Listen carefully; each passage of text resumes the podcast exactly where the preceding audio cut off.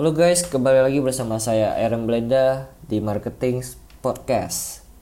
Nah, di podcast kali ini saya akan bahas tentang sebuah topik ya yang saya tahu kalau topik ini ketika dibahas pasti ada yang pro dan ada yang kontra.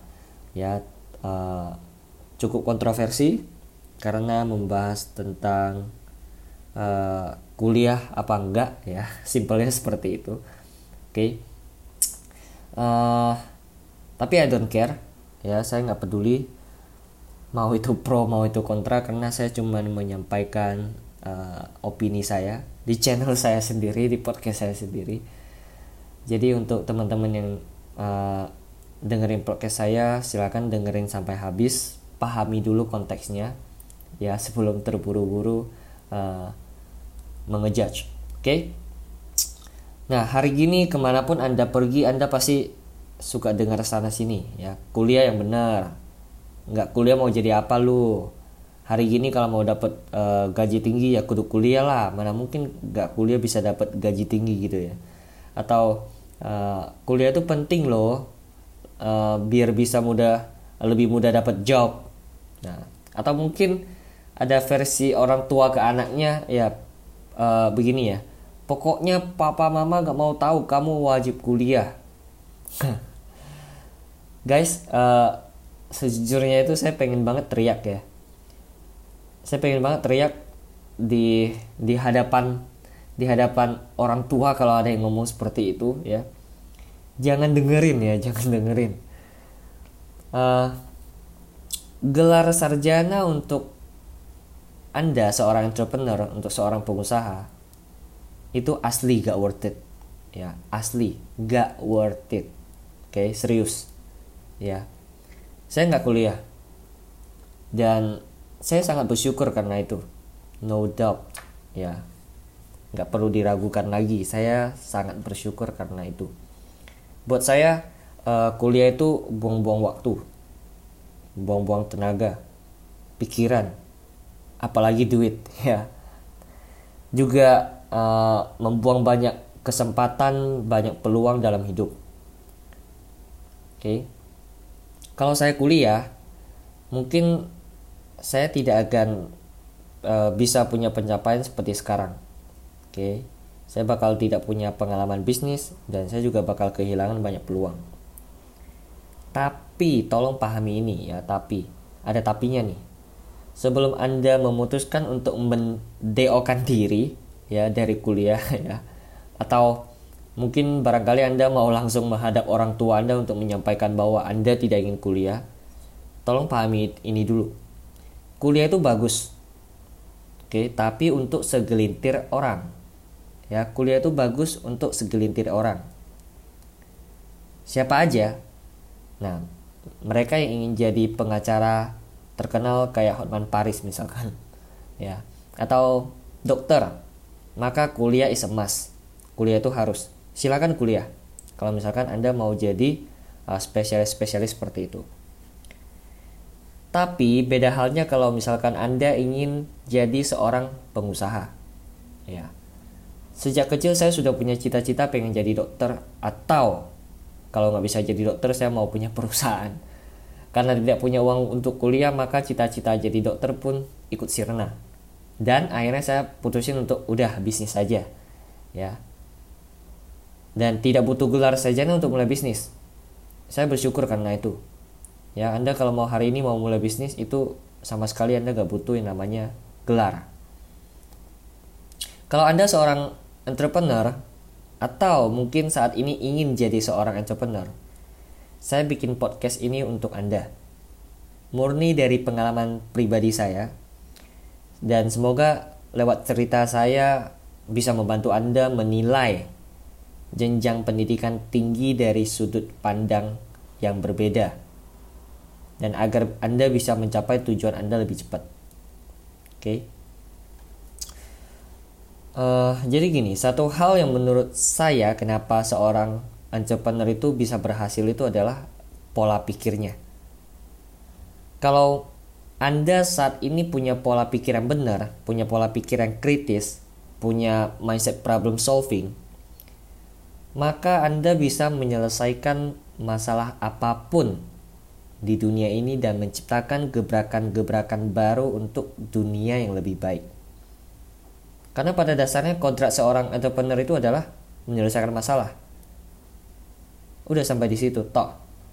Ya, menyelesaikan masalah. Oke.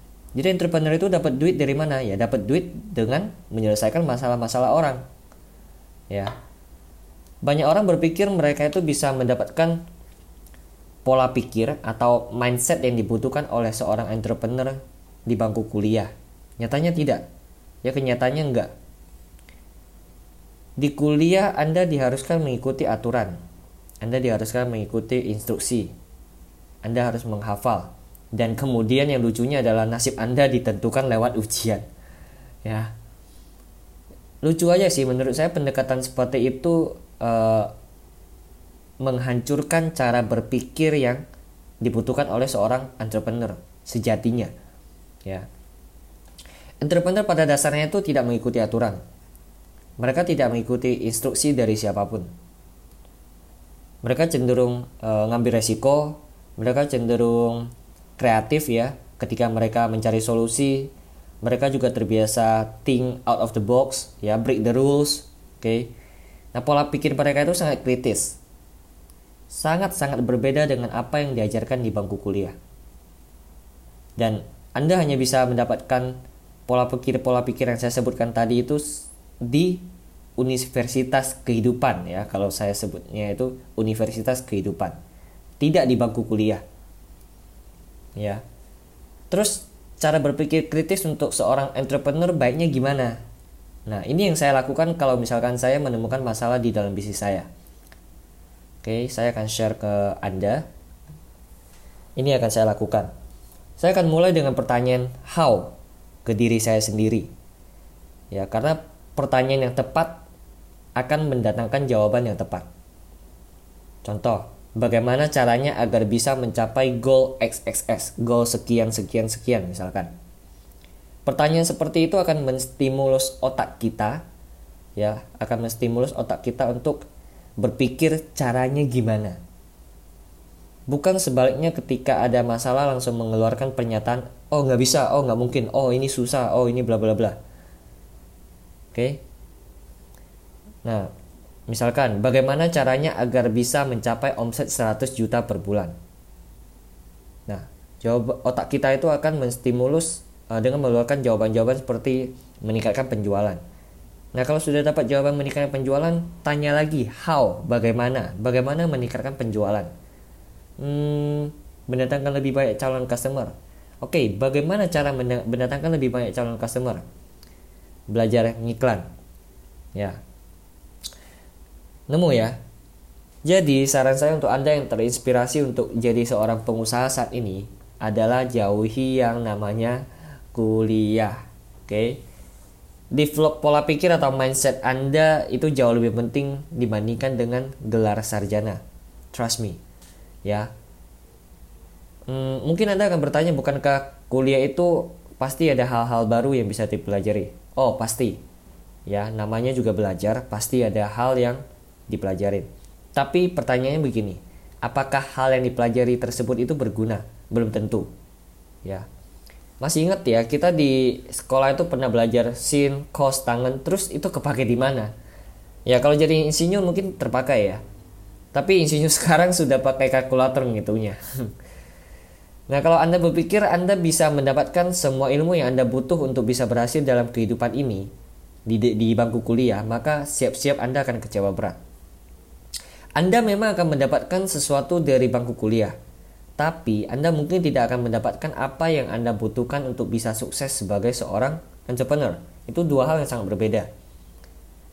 Saya pikir proses belajar di kuliah itu pasti kurang lebih sama dengan uh, di bangku SMA. Ya, uh, pada dasarnya adalah nggak efektif. Oke, okay? pasti uh, disuruh belajar buku-buku, kemudian uh, mengulangi informasi yang ada di buku ke dalam uh, kertas ujian ya pasti begitu ya nah pada dasarnya adalah hafal kemudian ulangin saya sendiri lebih prefer belajar dengan cara terjun langsung, nyemplung, basah. Ya, do, do, and do. Intinya praktek. Oke. Okay? Anda akan belajar lebih banyak ketika terjun langsung mengerjakan sebuah bisnis ketimbang uh, Anda menghabiskan waktu 5 tahun di bangku kuliah. Saya menghabiskan banyak uang membeli buku bacaan dan online course, uh, kemudian melahapnya semuanya secepat mungkin dan praktek. Ya, itu yang saya lakukan dulu. Lantas apakah buku itu merupakan uh, sumber informasi yang bagus? Yes, buku adalah sumber informasi yang bagus asalkan dipraktekin isinya. Dan itu yang saya lakukan ketika menjalankan bisnis. Ya, saya pernah baca sebuah quote bagus dari Mark Twain Ya, kalau Anda tahu Mark Twain. 20 years from now, you will be more disappointed by the things that you didn't do than by the ones you did do. So throw off the bowlines, sail away from the safe harbor, catch the trade winds in your sails. Explore, dream, discover. Kurang lebih terjemahnya seperti ini. 20 uh, tahun dari sekarang Anda akan lebih kecewa akan hal-hal yang tidak kamu lakukan ketimbang hal-hal yang sudah kamu lakukan. Berlayarlah yang jauh, kemudian juga jelajahi, impikan, dan temukan. Nah, teman-teman saya itu menghabiskan waktu ya sekitar lima tahun lah di bangku kuliah, ada yang bahkan tujuh tahun. Ketika mereka sedang kuliah, itu pun tanda kutip ya, itu pun kalau benar-benar mereka kuliah ya, saya sudah mulai bisnis.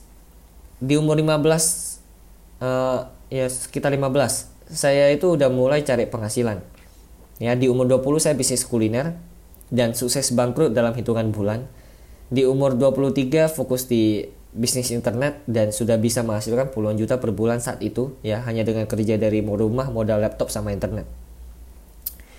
Anda pikir ya uh, biaya kuliah saat ini anggap saja 10 juta per semester atau 20 juta per tahun lah. Itu yang murah. Belum lagi biaya-biaya lain. Kalau dipikir-pikir itu sebenarnya tidak masuk akal. Ya, kenapa tidak masuk akal? Begini, anda menghabiskan waktu minimal 20 jam setiap minggunya di kuliah. Ya, dan tidak mempelajari sesuatu yang berguna. Kemudian Anda juga menghabiskan 20 juta per tahun dan nggak balik modal. RO, ROI-nya berapa Anda nggak tahu itu. Ya. Sedangkan saya menghabiskan 60 jam seminggu di bisnis saya sendiri dan mendapatkan banyak street smart knowledge ya pengetahuan-pengetahuan yang praktis yang bisa saya terapkan dan mendapatkan penghasilan puluhan juta setiap bulannya. Saya tidak bisa bayangkan seberapa ruginya ya kalau saya jadi kuliah waktu itu apalagi lima tahun nggak kebayang sih. Anda jangan salah paham ya. Uh, memang ada yang berhasil karena kuliah. Saya akuin itu. Dan saya juga menghargai siapa pun yang kuliah. Bukan berarti saya nggak respect sama mereka yang kuliah ataupun uh, dosen-dosen yang ada enggak. Ya saya sangat respect, saya sangat menghargai mereka. Tapi buat saya pribadi, kuliah itu rugi. Ya, Nah terus kuliah cocok untuk siapa? Seperti yang udah saya bilang di awal podcast ya. Untuk Anda yang ingin jadi insinyur ahli bedah. Holy shit, saya mohon Anda kuliah biar gak ada korban malpraktek ya. Kalau Anda pengen jadi ahli bedah. Anda benar-benar harus kuliah. Oke. Okay. So, uh, apa benar gak ada hal berguna yang bisa didapatkan dari kuliah? Oh pasti ada, ya pasti ada uh, saya nggak bilang kuliah itu benar-benar semuanya jelek enggak ya anda pasti akan dapat sesuatu dari kuliah hanya saja sifatnya itu uh, indirect atau nggak langsung ya pengalaman saya punya gelar sarjana bukan berarti uh, pasti punya pola pikir yang kritis atau skill problem solving yang bagus